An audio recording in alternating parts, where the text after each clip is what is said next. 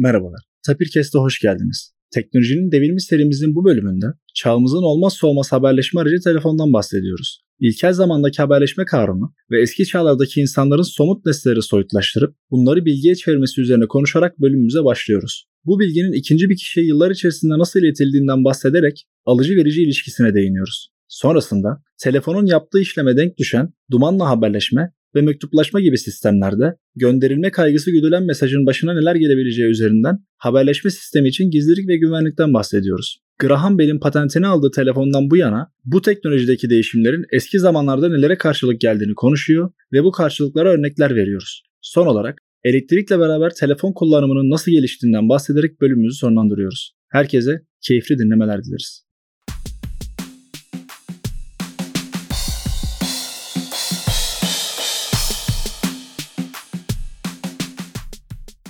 Serhan Hocam hoş geldiniz. Hoş bulduk Bahadır. Teknolojinin devinimi serimizin ilk bölümü olarak bugün telefonun tarihteki devinimini anlatmayı planlıyoruz. Tabii telefonu anlatmaya başlamadan önce telefonun yaptığı o temel işin yani bilgiyi bir noktadan diğer noktaya aktarma işinin çok daha önceki çağlarda yaşamış insanların nasıl yaptığına değinmemiz gerekiyor diye düşünüyorum. Bunun için de aslında bilgi kaydetme ve bilgiyi yaymaktan bahsetmek gerekiyor diye düşünüyorum hocam. Bu bilgi kaydetme ve yayma için eski çağlarda yapılan o farklı durumlar için ne söyleyebiliriz hocam? Öncelikle bana bu platformda bu fırsatı verdiğin için teşekkür ederim. Şimdi tabii telefon çok özel bir araç. Ben kendi çocukluğumdan hatırlıyorum. Benim zamanımda evlere artık telefon gelmeye başlamıştı ama hikayeyi hep duyuyorduk babalarımızdan, annelerimizden. Yani telefonun ancak mahallede bir evde olduğu dönemle telefonun insanların hayatlarına ilk defa girdiği dönem. Yani bu tabii benim yetişmediğim ama çok yakından birinci ağızdan dinlediğim hikayeler. Tabii benim için telefon evlere girmeye başlamıştı ama telefon kullanımı çok yaygın değildi. Tahmin ediyorum işte yeni neslin herhalde doğduğu zaman hayatında olan bir nesne. Yani onlar için medeniyetin vazgeçilmez parçası. Benim için de öyle sayılabilir ama benden bir önceki neslin hayatında sonradan olan bir şey. Yani öyle bir cihaz ki teknolojiyi değiştiriyor. Tabii böyle söyleyince şu bilgiyi söylememiz lazım dinleyicilerimize. Telefon dediğimiz nesnenin işte herkesin sözünü ettiği işte Alexander Graham Bell'in patentine haiz olan nesne olduğundan bağımsız konuşuyorum. Yani bizim bugün telefon dediğimiz bir ağın parçası olan işte bir taraftan sizin istediğiniz birisini aramaya çalıştığınız, aradığınız ya da konuştuğunuz bir iletişim nesnesinden bahsediyoruz ama birazdan da konuşuruz. Bu noktada telefon dediğimiz nesnenin neyi kapsadığını, ne tarz bir teknolojik devinimle buraya geldiğini ayrıca söylememiz lazım. Benim bu hızlı girişten, tarihsel girişten bugün telefondan ne anlıyoruz ait bir tarihsel süreçten bahsediyorum. Yoksa 1800'lerin ikinci yarısında yani 19. yüzyılın ikinci yarısında patentlenen bir teknolojiden aldığımız sözcüğü kullanıyoruz. Bugün de konuşacağız. Aslında çok farklı, çok temel iletişim ilkelerinin hatta bence kökünün yine burada konuşacağımızı umuyorum. insanın diline doğru atıfta bulunduğu, insanın gelişimine, evrimine atıfta bulunduğu bir teknolojiden bahsediyoruz diye düşünüyorum Bahadır temel dediğinizde konuyu biraz daha temel öncesine yani ilkele çekmek istiyorum. Dilin olmadan önceki zamandan da bahsetmemiz gerektiğini düşünüyorum. Çünkü insanlar kendi arasında tırnak içerisinde birbirlerini yalnızca konuşarak ve anlayarak değil bir şekilde bazı simgeleri kullanarak da anlaşabiliyormuş. Makaleyi de açıklamalara bırakırım zaten. Bundan 75 bin yıl önce ilk defa bir taşa bırakılmış bir simgeyle alakalı bir çalışmadan söz ediliyordu. Yani insanlar çevresinde gördüğü şeyleri bir anlam çıkartmaya ve bu anlamı ya sonradan aynı anlamı verebilmek için duvara yazmaya ya da belki de belki de bu çok sonradan oldu daha önce de sizinle konuşmuştuk bunu. Sonraki nesillere aktarma ihtiyacıyla yani aslında bilgiyi bir noktadan belki zaman ekseninde belki şimdi yaptığımız gibi uzayda bir noktadan bir noktaya yayarak aslında telefonun yaptığı temel işi adına hiçbir şey demeden de yapıyormuş geçmiş zamanlarda. Bu ilginç bir bahis Bahadır. Çünkü önce dinleyicilerimize bizim bugün telefondan ne anladığımızı bir söyleyelim. Çünkü burada kullanacağımız terimlerin senin de söz ettiğin üzere belki taş devri çağına, metal çağına doğru devrildiğinde de oraya gidildiğinde de benzer bakış açılarıyla zamana karşı durduğunu ve hala aynı teknikleri kullandığımızı söylemek adına bunu yapmak istiyorum. İşte bugün telefon dediğimiz nesne artık mobil telefonların da olduğu bir günde bunu tanımlamak zor ama işte hepimizin anlayacağı şekilde işte bir uçta sizin bir takım tuşlara basarak istediğiniz bir kişiyi arayıp arada çok büyük bir şebekenin olduğu oraya sonra değineceğiz. Bir yerden çıkıp hedefte konuşmak istediğiniz kişiye ulaştıran ve bunu telefon için konuşursak hani bugün çok kapsamının dışında bir alet oldu çok genişledi ama senin de söylediğin gibi Sesimizi aktarma öncelikli bir amaçlı olan bir nesneden bahsediyoruz. Şimdi burada ilginç olan bir şey var bugünkü telefon tanımında. O arada duran şey yani sizin telefonunuza bir takım el hareketleriyle ya da tuşlara basarak ya da benim zamanında yetiştiğim işte çevirmeli dediğimiz dinleyenlerimizin belki bir grubunu hiç hatırlamadığı görmedi ama bir şekilde tarihimizde bulunan bu nesnelerde yaptığımız işte çeşitli mekanik hareketleri elektriksel hatta elektromanyetik işaretleri kullanarak karşı tarafa aktarmaktan bahsediyoruz. Şimdi bunun dinleyicilerimiz için öneminin ne olduğunu merak edebilirsiniz. Mevzu şu biz akustik bir işareti göndermeye çalışıyoruz ancak bu işaret bu fiziksel fenomen başka bir formda ilerleyip karşı tarafa ulaşıyor ve sonra tekrar orada akustik bir işarete dönüşüyor. Yani telefon dediğimiz nesne bu amaca hizmet ediyor ama bunu yaparken aslına bakarsanız çok önemli bir dönüşüm yapıyor ve bu dönüşüm yaparken de bugünkü teknoloji işte o zamankileri de öyleydi. Bir çeşit semboller kullanıyor, bir çeşit dil kullanıyor aslına bakarsanız. Şimdi dolayısıyla benim buradan alıp işte bundan 75 bin 100 bin yıl önceye senin de söylediğin gibi yani bulunan en eski belki de şu ana kadar işaretin bir işte taşa kazınmış sürümü bu. Ama muhtemeldir ki o dönemki insanlar ya da insansınlar işte Neandertal olabilir, işte Homo sapiens olabilir. Hatta belki Homo erectus ya da habilis bile olabilir. Belki de bunu yaptılar ama işte taşa kazıdılar ve yağmur aldı götürdü ya da çürüdü. Bunları devre dışı bırakarak elimizdeki somut veriden konuşmaya çalışıyorum. O zaman insanların aslında ilk yaptığı şey bir dil geliştirmek belki değil ama fiziksel dünyada gördükleri şeyi simgeselleştirebilmek. Yani dolayısıyla bugün telefon dediğimiz cihazın az önce tanımladığım kapsamına baktığımızda iki şey çok önemli bir biçimde ortaya çıkıyor bana sorarsan. Birincisi simgeselleştirmek. Simgeselleştirmek eşittir soyutlama yeteneği. Yani insanoğlunun 100 bin yıldır belki 200 bin yıldır yani kanıt elimizde yok ama o zamanın kanıtı olmadığı için bir 100 bin daha gitsek 200 bin yıl önceden yapmaya başladığı en önemli şey doğaya bakıp fiziksellikten bunu arındırıp soyut hale getirip bu soyut hale getirdiği şeyi de fiziksel dünyada başka bir biçimde simgeyle o zamanki adıyla simgeyle ifade etme durumudur. Şimdi tabii bu konunun birinci kısmı. Yani bunu yapabilen bir grup insan olduğunu varsayalım. Fiziksel olgulara bakıp bunu zihinlerinde soyut hale getirip daha sonra yine doğaya başka bir biçimde bir simgeyle ya da işte taşa kazıma ona simge diyoruz. Simgeyle belirtme dürtüsü. Bunu başardıklarını varsayıyoruz. İkinci dürtü işte az önce sözünü ettiğimiz hususta bunun bir sonraki nesle aktarılma, yandakine aktarılma ya da bir uzaktakine aktarılma gibi bir problem var. Çünkü belki bunu tek başınıza yapıyor olabilirsiniz ama yaparkenki amacınız da gündeme geliyor. Yani bunu yapabilen, bu yeteneği geliştirmiş bir topluluğun muhtemelen böyle kaygıları da olduğunu biliyoruz, düşünüyoruz ve en azından böyle kaygıları varsa çok absürt olmaz diye düşünüyoruz. Şimdi böyle bir durumda bunu aktarma problemi ortaya çıkıyor. Yani bana sorarsan az önce yaptığım tanımda telefonun yaptığı işlem nedir? En temelde teknolojinin deviniminden söz ediyoruz ya. Sözünü ettiğim şey aslında somut bir olguyu soyut bir simgeler grubuyla ifade edip tekrar fiziksel dünyada bir başka formatta değişik bir dille hatta bir başka yere taşımak. Yani telefonu böyle tanımlarsak görüyoruz ki 100 bin yıldır yaptığımız iş aslında değişmiyor. Bugün bu yaptığımız süreçlerin, proseslerin, cihazların, tekniklerin tamamına telefon sözcüğü adını veriyoruz. Halbuki yapılan iş belki bundan 100 bin, 150 bin, 200 bin yıl önce bile hala aynı diye düşünüyorum Bahadır bahsettiğiniz simgeselliğin yakın çevre tarafından anlaşılabilmesi aslında mesaj kavramını ortaya atıyor. Yani mesajı benim istediğim şekilde ya da benim anladığım şekilde onlar da anlıyor mu kavramını ortaya atıyor diye düşünüyorum ve mesajı da hesaba kattığımız zaman telefon kavramını yine dijital teknoloji olan telefondan bahsetmeden verelim. O zaman aslında haberleşmeden bahsediyoruz. Yani direkt olarak zaten şu geliyor aklıma. İlk çağlar mesaj ve haberleşme işte bir obadan diğer obaya ateşle, dumanla eğer yanlış hatırlamıyorsam beyaz duman tehlike yok, siyah duman tehlike var gibi iki obanın ya da iki grubun dilinin aynı olduğu, aynı şeyden aynı şeyleri anladığı durum var. Bir de bunun aslında bir ötesi de var. Ya siyah duman var ama toz bulutu mu acaba o yoksa gerçekten birisi şu anda tehlike olduğunu mu söylüyor? Çünkü gereksiz bir yere önlem alınabilir, askerler gereksiz yere konuşlandırılabilir. Belki de bundan dolayı bu devinin başlıyor. Evet en başta sadece bir resmetme. Bilmiyoruz çünkü o hani resmi mesaj olarak mı atıyor yoksa ya ben bugün bunu görmüştüm yarın da bunu görürsem kaçayım diye aslında bu mesajı kendine mi iletiyor bunu bilmiyoruz. Bu durumdan bahsettiğimiz zaman da artık bir ulaktan, bir elçiden yani mesajın taşıyıcısı olmasından bahsetmemiz gerekiyor. Şimdi haberleşme kuramının en temel bileşenlerinden bahsettim Bahadır. Bizim bildiğimiz işte Shannon'ın makalesinden de hepimizin bildiği üzere bir mesajın kaynağı var. Mesaj bizde mahfuz olmak üzere. Bunu bir taşıdığımız bir taşıyıcı, ulak, elçi her ne diyorsak ve bir de bunun mesajın muhatabı yani alıcı. Şimdi bu üçünü bir araya getirdiğimizde biz bir teknik olarak haberleşme sistemi elde ediyoruz. Az önce senin de sözünü ettiğin üzere işte eski çağlarda dumanla haberleşme hepimize de anlatılırdı ortaokulda, ilkokulda. İkinci bir problemi de gündeme getiriyor. Yani biz bu sistemin bir parçası parçası olabiliriz ya da biz bu sistemin karşımızda hayata geçtiğini gören parçası olmadığımız ama onların ne yaptığını anlamaya çalışan, oturduğumuz yere göre de bakış açısı değişen iyi niyetli ya da kötü niyetli bir başka grup olabiliriz. Şimdi senin o e, duman örneğinden hareket ederek ben karşı tarafın bunu nasıl yorumlayacağını bilip dumanı çıkarttığı yere çok yakın bir yerde hiç alakası olmayan bir şekilde bir duman çıkartıp karşı tarafın kaynaklarını e, boşa gitmeye yönlendirecek ya da işte onlara yanlış alarm verdirecek şeyler de yapabilirim. Yani haberleşme sisteminden bahseder bahsetmez işte o taşıyıcının mevcudiyeti yüzünden taşıyıcının bir başka ortam üzerinden gitmesi yüzünden gizlilik ve güvenlik kavramlarını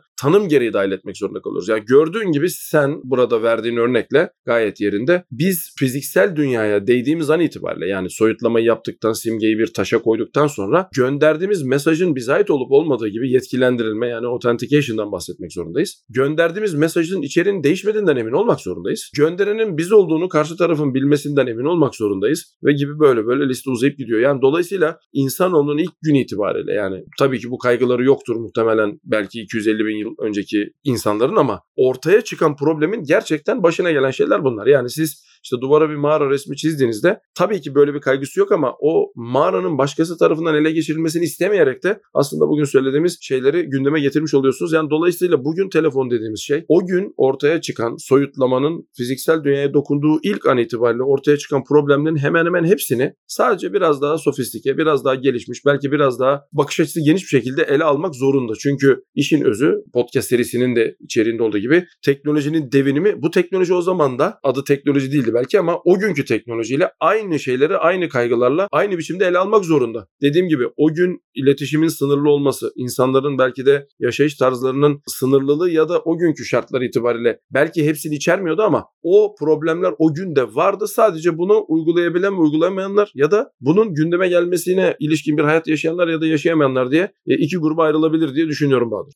Verdiğiniz örneği çeşitlendirebiliriz de tabii ki. Örneğin elçi dediğimizde gerçekten fiziksel olarak adı elçi olan o insanın at üstünde A krallığından B krallığında götürdüğü haberi de düşünebiliriz ama yani daha önce konuşmuştuk. Cem Yılmaz örneği gibi. O kadar uzun ki unutuyor. Ya da haber artık bilgi değeri taşımıyor belki gidene kadar. Veya birazdan da buna daha sık daha çok değineceğiz ama mektup yazıp güvercine vermek. Güvercine yoldan oldu. Elçiye zeval olmuyor. Ama düşündüğüm zaman belki o zamanlardaki insanlar ya da insansılar bunu böyle düşünmedi ama galiba telefon, haberleşme ve bunların bir araya getirilmesindeki temel motivasyon bir şeyi benim anladığım gibi karşı tarafta olabiliyorsa birebir aynısını anlasın. Çünkü verdiğimiz örnekler gibi arada bir şeyler olunca anlam değişebiliyor. Aramızda anlaştığımız şey farklılaşabiliyor ki bu farklılaşmanın sorumlusuna biz artık bir süre sonra günümüz teknolojisinde kanal diyeceğiz. O yüzden anladığım kadarıyla insanların varoluşundan itibaren ya da telefon fikrini ortaya atışından, haberleşme fikrini ortaya atışından itibaren temel isteği, temel arzusu arada hiçbir şey olmadan istediğim tarafla istediğim şekilde istediğim anda konuşayım içgüdüsü bir ötesi de var. Şimdi dediğim gibi tekrar bu kaygının ilkel çağlarda ya da işte insanların ya da insansıların artık nasıl isimlendiriyorsak başlarına geldi mi bilmiyoruz ya da böyle kaygıları var mıydı bilmiyoruz ama bazen de sizin bu iletişiminizin, haberleşmenizin başkası tarafından bırakın değiştirilmesi ihtimalini, dinlenmesi ihtimalini bile istemiyorsunuz. Yani siz haberleşme sisteminizin dışarıya açık olmasını istemiyorsunuz. Tabii takdir edersin ki bu araya senin verdiğin örnekle mesafeler, fiziksel mesafeler girince problem olduğu gibi fiziksel zaman girdiğinde de problem oluyor olmaya başlıyor. İşte senin verdiğin o at üstündeki elçi örneği gibi. Yani 6 ay sonra adam öbür tarafa ulaşıyor ve senin yine deyimini kullanacağım. Yani bilgi değeri taşımıyor. Bilgi değeri taşımıyor ama o sırada birileri o adamın oradan oraya gittiğini görüyor. Ve bunun da gözükmesini istemiyorsun. Yani bu da senin böyle bir haberleşme sistemin varsa ve bundan kaygılanıyorsan, bundan çekiniyorsan bunu da özellikle işte sarıp sarmalaman ve hiçbir şekilde hissedilmeyecek hale getirmen lazım işte günümüzde buna steganografi diyoruz. Siz iletişiyor gibi gözükmüyorsunuz ya da gönderdiğiniz şeyin bilgi taşımadığını hissettirip karşı tarafa aslında aslında gizliden gizliye alttan alta bir mesaj veriyorsunuz. Çok uygulanan teknikler arasındadır. Zaten steganografinin çıkışı da odur. Herkesin üzerinde daha önceden anlaştığı bir müziğin makamını değiştirerek bir mesaj verme odadakilere. Halbuki odadakiler de açık ettiğiniz için sadece müzik çalıyorlar ya haberleşmiyorlar herhalde diyorlar ya da işte bir resmi gönderince resmin içerisinde gizlenen şeyin ne olduğunu önceden anlaşmak kaydıyla karşı tarafı verme. Dışarıdan bakan sizin resim gönderdiğinizi düşün. Ha haber göndermiyormuş, giden elçi değilmiş, hediye gönderiyormuş gibi değişik böyle karşı tarafı da düşünen, hep haberleşen tarafı tarafların dışında da birilerinin olduğunu düşünmek zorunda kalan komplike bir sisteme yol açıyor. Tabii bugün konumuz telefon olduğu için bunun gündelik örneklerini de vermemiz lazım. Biz biliyoruz ki işte örnek cep telefonundan vereceğim. İşte hemen hemen herkesin artık alışık olduğu bir teknoloji olduğu için yani siz bir cep telefonuyla birisiyle konuşurken artık eminsiniz ki biliyorsunuz ki sizi dinlemek ancak operatörün içerisine müdahaleyle mümkün. Bunun dışında mümkün değil. Ya da bunu yapmak isteyen kişilerin operatörün kullandığı teknolojinin çok çok üzerinde başka teknolojilerle bunu yapabilmesi gerekiyor gibi böyle zorlaştırıcı, güçleştirici, caydırıcı bir takım mekanizmaların olduğunu bilerek siz cep telefonu hizmetini operatörünüzden alıyorsunuz. Yine diğer bakış açısıyla biz mesajımızın karşı tarafa tam olarak iletildiğinden emin olmak için ayrıca yine başka kanalları kullanıyoruz. İşte örnek bazen telefon çekmiyor ya da işte kötü bir iletişim oluyor. O yüzden mesaj atıyorsunuz karşı tarafa. Yani ikinci modu kullanıyorsunuz. Ya da bazen başka bir problem oluyor. Operatörünüzle alakalı kapsama problemi oluyor. Bu sefer internet kanalını kullanarak yani üçüncü bir sistemi kullanarak o haberleşme sisteminin dolaylı ya da doğrudan bir parçası olarak gönderdiğiniz mesajın senin deyimiyle karşı tarafa ilgili biçimde ulaşıp ulaşmadığını ya da doğrulanıp doğrulanmadığını anlamaya çalışıyorsunuz, emin olmaya çalışıyorsunuz. Yani dolayısıyla bunu yapmaya çalışırken en başta kaygılarımız işte bundan 150 bin 200 bin yıl önceki insan oğlunun ya da insansıların yapmaya çalıştığı şeylerin sadece günümüz teknolojisinde bunun dışında birilerinin olabileceği düşüncesiyle daha geniş bakış açısıyla ortaya konmasından ibaret. Yani bugün telefon dediğimiz şey bütün bu kaygıları, bütün bu hissiyatları, bütün bu gereksinimleri bir arada tek başına vücudunda toplaması gereken teknolojinin adı. O gün bu kaygıların hepsi gündemde değildi. O yüzden ona başka bir bir isim veriyorduk ama aslına bakarsanız telefon sözcüğünü ve kavramını alıp 200 bin yıl önceye götürseydik 200 bin yıl öncenin gereksinimleri tırpanlandığında geriye kalan şey de telefon. İşte o senin örneğini verdiğin taş tablet üzerindeki çizgi gibi ya da İspanya'nın dağlarının bir tanesinde bulunan mağaradaki işte yaklaşık 65 bin yıllık 70 bin yıllık e, duvara çizilen boya gibi ya da işte 35 bin yıllık 40 bin yıllık çeşitli insan figürlerinin duvara çizilmesi gibi. Yani o günkü kaygılar arasında bunlar yoktu diyemeyiz. O günkü kaygılar arasında bunlar elverişli değildir diyebiliriz. Öyle bir ortam olsaydı muhtemelen o günkü devinimle biz teknolojiyi alıp bugün telefon adını verdiğimiz şeye çevirecektik. Yani dolayısıyla ben probleme tersten bakıyorum. Bugün telefon dediğimiz soyut kavramı alıp oraya götürseydik tam olarak da adamların taş tablete çizdiği şeylerle karşılaşacaktık. Çünkü o kaygıların bir kısmı mümkün değil, uygulanabilir değil ama yapılan iş tamamen aynı.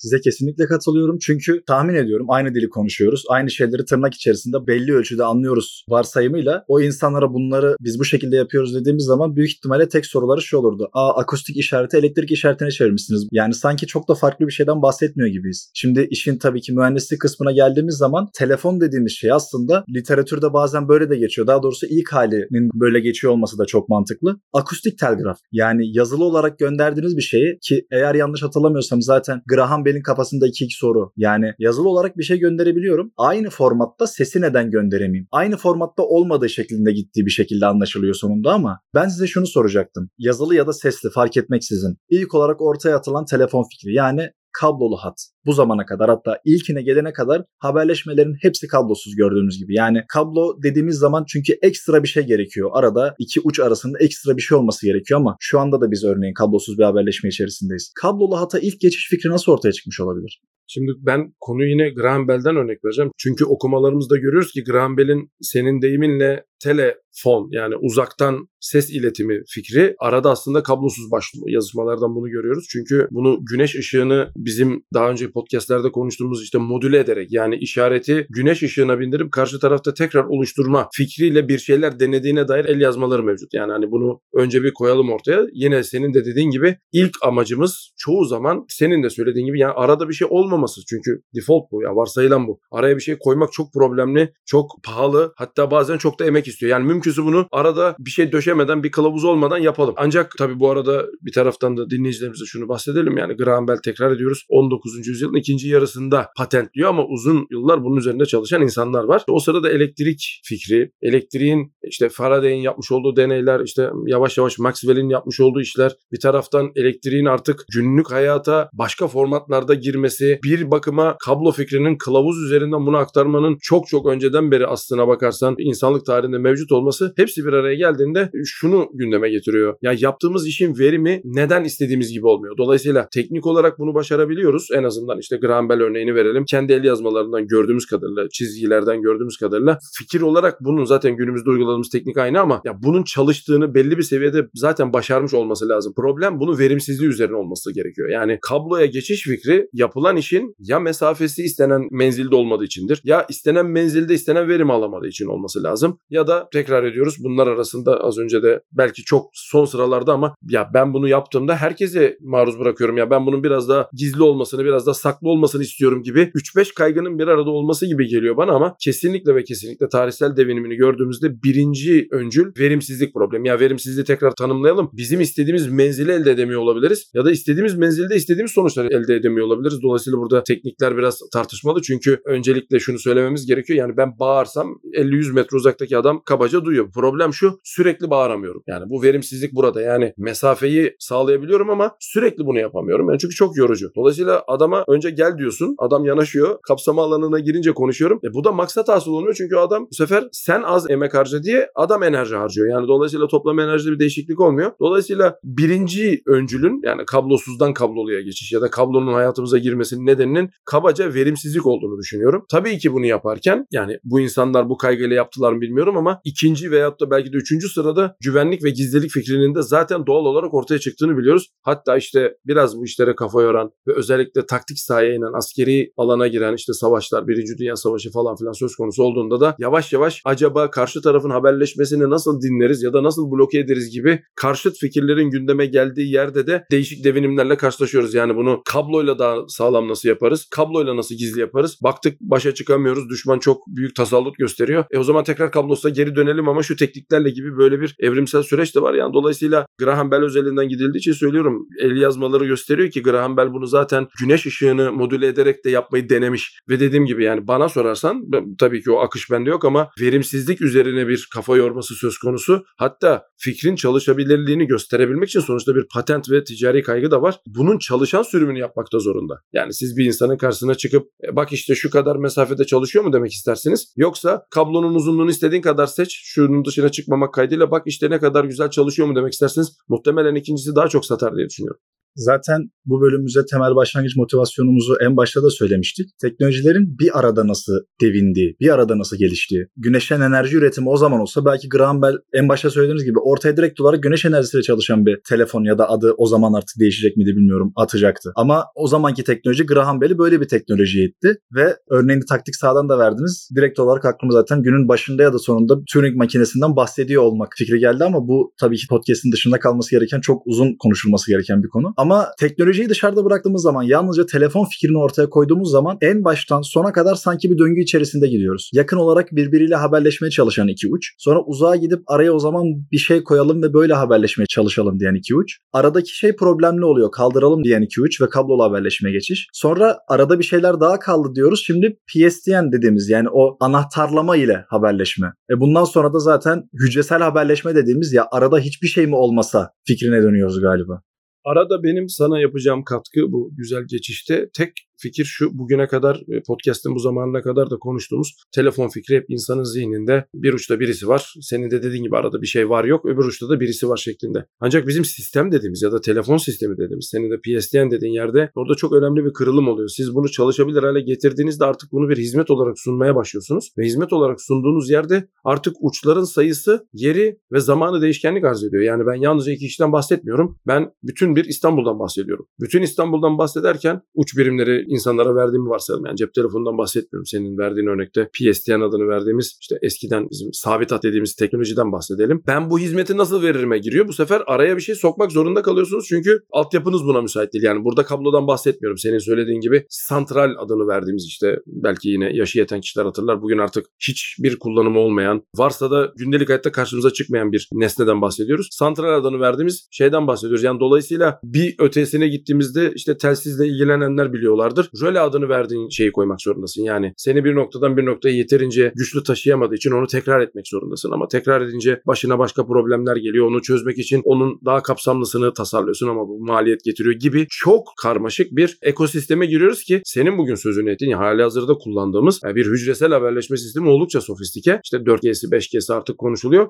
Şimdi o da artık yavaş yavaş kendisini belli bir olgunluk seviyesine geliştiriyor. Geçenlerde de işte konuşulduğu üzere artık gezegenler arası bir şeyden bahsediyoruz. Yani dolayısıyla haberleşme dediğimizde iki ucun haberleşmesi diye özetlediğimiz şeyin artık bir ağ yapısı altında, bir şebeke altında değerlendirilmesi gerektiğini de söylememiz lazım ki bu yeni bir sözcük mü? 20. yüzyılda özel bir davranış mı? Hayır bu geçmiş insanlarda da vardı. Ancak bu kadar sofistike değildi. Neden? Çünkü bu kadar elverişli olanakları ve zamanları belki de teknikleri yoktu ama işte orada da bir haberleşme ağından bahsediyoruz. Yani nedir o? Senin de sözün ettiğin gibi yani mağaraya resim çizenin ağı senin deyiminle ulaklarla muhtemelen bak mağarada resim var birisini aldılar yan taraftaki dağa gönderdiler ya da tam tersi oldu. Yani zamana yayılan ulaklara ihtiyaç duyan bugünkü teknolojiden hiçbir farkı olmayan sadece enstrümanın şeklinin biçiminin ya benim bir şebekeye sahip olmam da eskiden var idi. Bu bir problemdi. E bugün de yaşadığımız problem bu. Eskiden bunu yalnızca 2-3 klanın ya da 2-3 aşiretin ya da 2-3 topluluğun yapmasından bahsediyorken şimdi bütün güneş sisteminden bahsediyoruz. Yani dolayısıyla devinim işte burada tam da yeri geldiğini düşünüyorum. Tam olarak eskinin yaptığı şeyin tamamen aynısını yapan sadece daha önceden elverişli olmayan teknikler ve teknolojilerle hemen hemen aynı şeyi biraz daha geniş bakış açısıyla yapmaya tekabül ediyor diye düşünüyorum Bahadır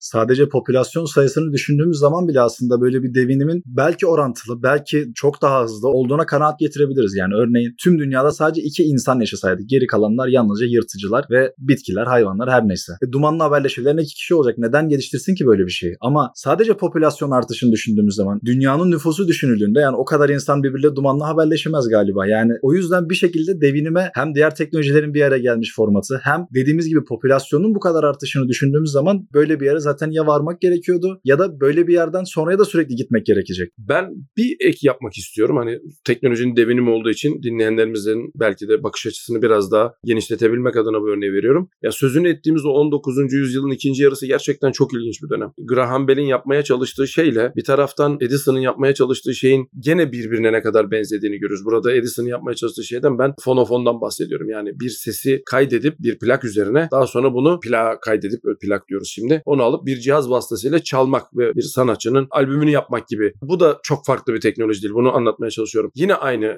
durum söz konusu. Yani simgesel olarak bir fiziksel olguyu zihinde soyutlayıp bunu fiziksel dünyaya bir başka formatta iletip iletileni taşıma ve taşınan tarafta yeniden senin de başta söylediğin gibi karşı tarafın anlamasını istediğimiz biçimde tabii artist örneği biraz daha soyut bir kavrama tekabül ediyor. O yüzden hani burada kaçınmaya çalışıyorum ama karşı tarafta da hemen hemen aynısını oluşturabilme kaygısı yine 19. yüzyılın ikinci yarısındaki paralelde giden teknolojik devinimin diğer tarafı. Yani dolayısıyla telefon, fonofon ya da telgraf artık hangi teknoloji sözü cep telefonu bu da yani cep telefonu hücresel haberleşme diyelim. Yapmaya çalıştığı şey şu soyut olarak zihnimizde bulunan bir şeyi fiziksel dünyaya geçirmeye çalışıp onu bir vücut kazandırıp bunu taşıma, kaydetme, iletme oradaki sözcüğü şu anda bırakıyorum serbest ve bir muhatabına ulaştırma fikri. Yani tamamen yapılan iş. Yani o yüzden dinleyicilerimize şunu söylemek istiyorum. Ya bugün telefonu konuştuk. Belki yarın fonofonu konuşacağız. Hemen hemen aynı şeylerden bahsedeceğiz. Çünkü yine yapılan iş aynı. Hepsini böyle özetlersek telefon teknolojisinin en soyut haliyle 200 bin yıl önce de yaptığı soyut hali fiziksel dünyaya dönüştürerek geçirip bunu iletme, taşıma, kaydetme ya da piramit örneğini de verebiliriz bunun için. Değişmesinden ziyade orada öylece kalmasını sağlamaya çalışma olarak değerlendirmemiz lazım. Tekrar ediyorum 19. yüzyılın ikinci yarısı bu konuda çok önem arz ediyor. Sanayi devrimi bir taraftan, elektrik devrimi bir taraftan daha sonra çok yakın zamanda Maxwell'in denklemleri, Hertz'ün keşfi gibi şeylerin hemen hemen hepsi çok kısa sürede ortaya çıkıyor. Tabi bir taraftan da işte Boltzmann'lar, Clausius'lar bunların hepsi bu dönemde yaşamış insanlar. Yani oradaki şeye de atıfta bulunmak istiyorum. Yani bu gereksinimler tarihte neden 19. yüzyılın ikinci yarısında hala aynı sözcükle bugün kullanmamıza yol açıyor? Çünkü o dönemde çok mümbit bir bilimsel gelişme söz konusu. Birden bir patlama söz konusu. Bir paralelde hepsinin gitmesi söz konusu. Ama tabii ki telefonu özel kılan şey bu zamana kadar konuştuğumuz bu ayrıntılar bağlıdır. Bu ayrıntıları konuşurken çok anahtar bir kelimeden aslında bahsetmedik ki ben de biraz bahsetmekten kaçındım başka bir bölümümüze bırakırız diye. O da günümüz teknolojisinden en baştaki teknolojiye kadar aynı olan ağ kelimesi ve şimdiki durumda artık ağların ağı dediğimiz internet kavramı. Bunu bu bölüme sığdırmak yerine başka bir teknolojinin devinimi serisinde çekmek daha mantıklı olacaktır diye düşünüyorum. Çok teşekkür ederim hocam katıldığınız için. Ben teşekkür ederim Bahadır. Bana bu fırsatı verdiğiniz ve platforma davet ettiğiniz için. Teknolojinin devrimi serimizde telefon bölümümüzün sonuna geldik. Herkese iyi haftalar diliyorum.